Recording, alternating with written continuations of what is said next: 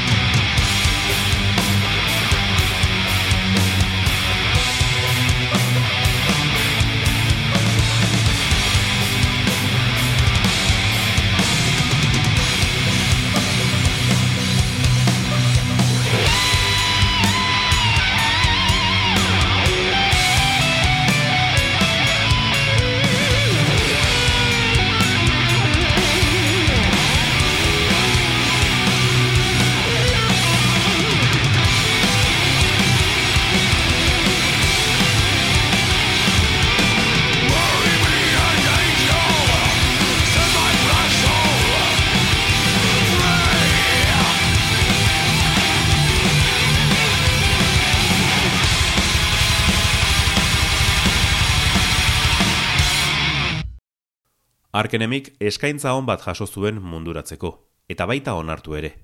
Century Media diskoetxeari esker, Europako eta Ameriketako estatu batuetako metal merkatuen ateak zabaldu zituzten. Hori, larogita emezortziko estigmata bigarren diskoarekin etorri zen. Ordurako, Martin Bankston basuak bat egin zuen taldearekin. Liibak, soilik, ahotsa urratu zezan. Gainera, Peter Wildoer bateriak Erlandsonen aulkia hartu zuen denbora batez. Hau duzue, diba satanika.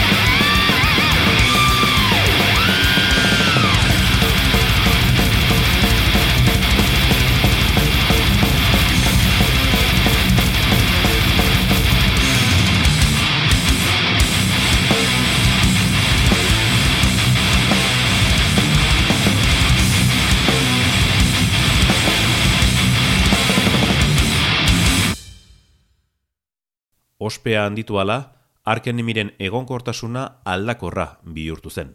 Charlie D'Angelo, baso jotzaile ezagunak bat egin zuen bereiekin, eta Erlandson berriz ere eseri zen bateriaren atzean. Aldaketa horiekin, Burning Bridges irugarren diskoa kaleratu zuten larogita emeritzian. Askorentzat, ziklo baten bukaera da. Are gehiago, ziklo onenarena.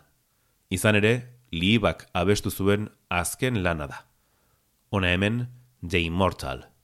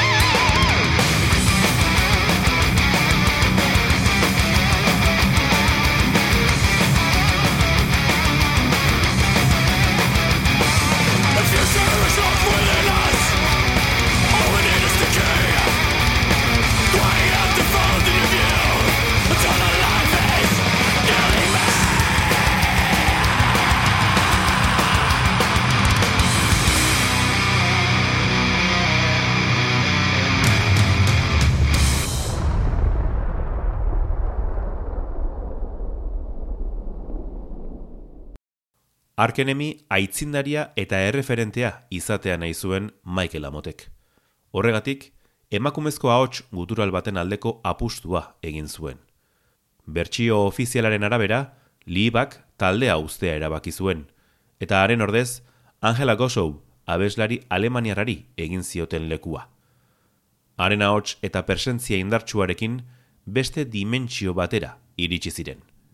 Ordea, erabaki komertzial gisa hartu zuten batzuek. Zama hori soinean hartuta, 2000 eta batean, Wages of Sin laugarren lana plazaratu zuten, suediaren death metal melodiko propioa aldarrikatzen duena. Hau duzue Burning Angel.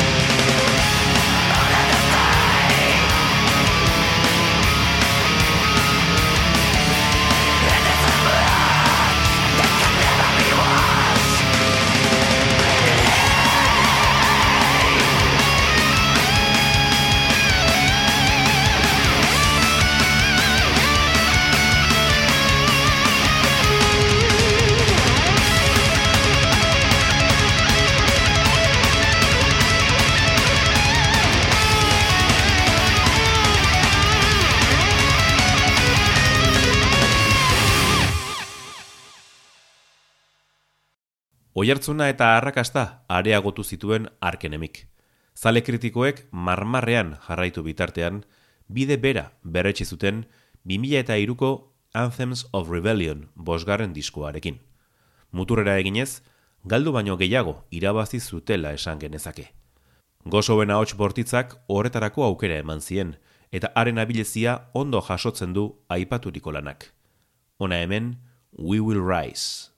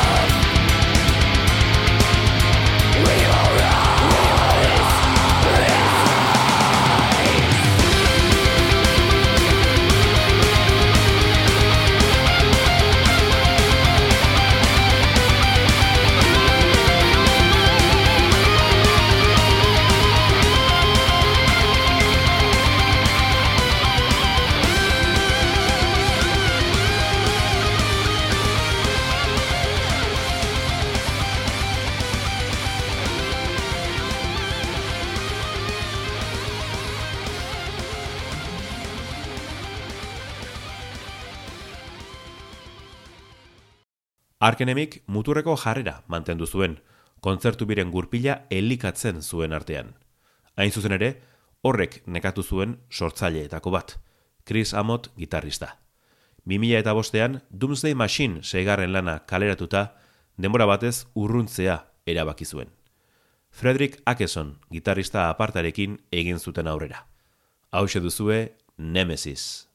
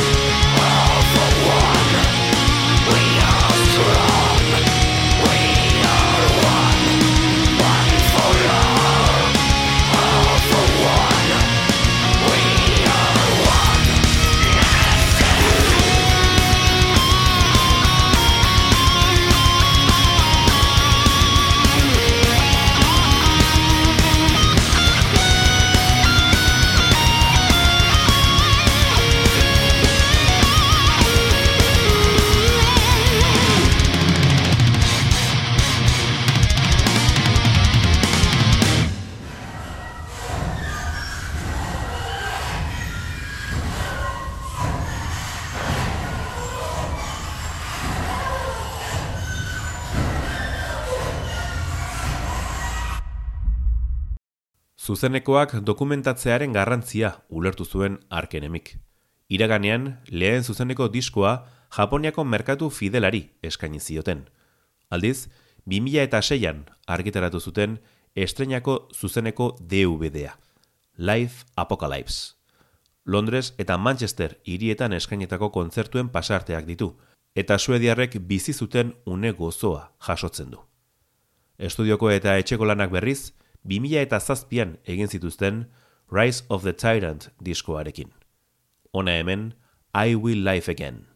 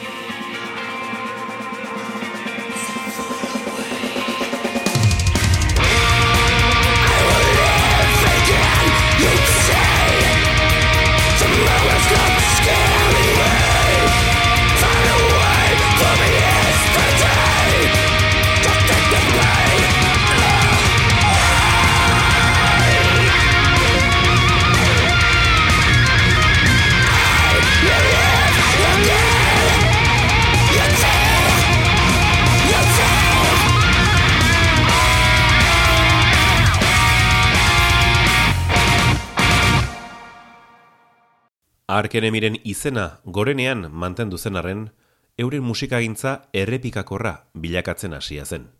2000 eta bederatziko The Root of All Evil birgrabazioen bildumak sentsazio hori indartu zuen. Abesti zaharrei, gozoen ahotsa jartzearekin tematu ziren, eta etzen beharrezkoa. Horregatik, kanta berriak prestatzeari ekin zioten, eta horiek, 2000 eta amaikan askatu zituzten Chaos Legends diskoaren bidez. Bi musikari garrantzitsuren azkena izan zen. Hau duzue, Yesterday is Dead and Gone.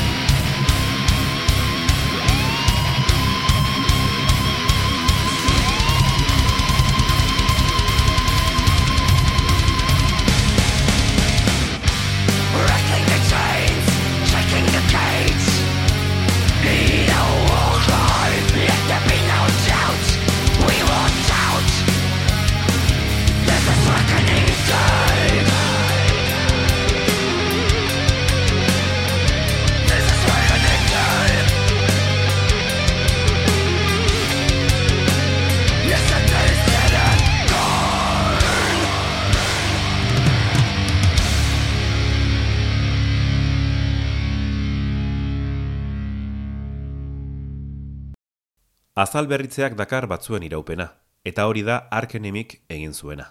Batetik, Chris Amotek banda bigarrenez utzi zuen, beste proiektu batzuetan murgiltzeko. Nick Cordell gitaristak bete zuen utxunea. Bestetik, gozobek albo batera egiteko unea zela sentitu zuen. Batez ere, familiari zor zion denbora eskaintzeko. Alere, hori etzen deigarriena izan. Gozobek berak proposatu zuen ordezkoa eta baita aurkeztu ere. Alisa White Glues, kebektarra. Aldaketa esanguratsua izan zen, hau txurratu zein guturalez gain, garbiak ere erabiltzen hasi zirelako. Beraz, 2000 eta amalauko War Eternal diskoa Suediaren ibilbideko beste bereizgarrietako bat da. Ona hemen, No More Regrets.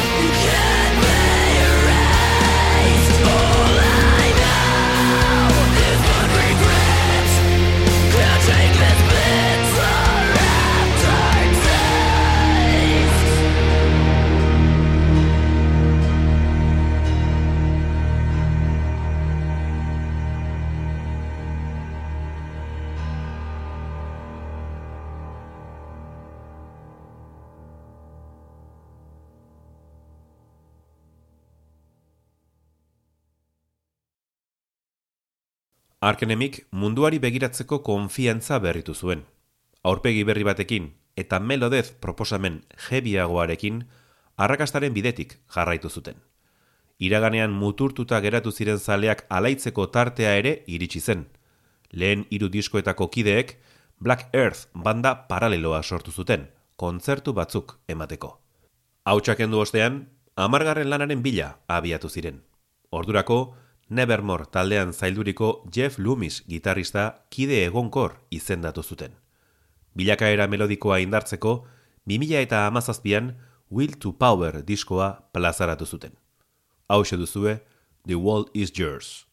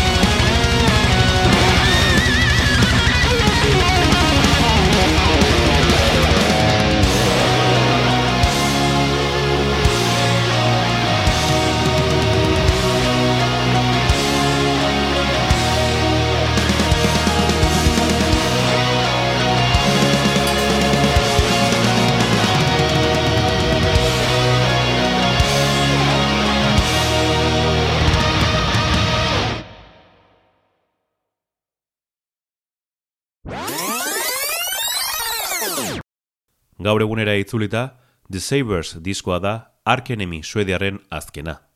Saioaren hasiera eta bukaera. Egungo boskotearekin, etxairik ankerrena ere gaindituko lukete. Michael Amott jaunak argi du zer egiten dakien, zer nahi duen eta zer diren.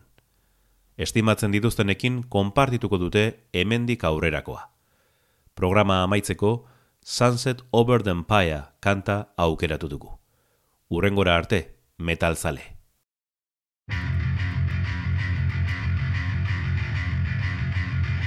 Welcome to the apocalypse, the end of days. Rulers of the wasteland rejoice in the flames.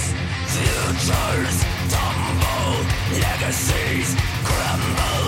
Thousands of years, and what have we learned?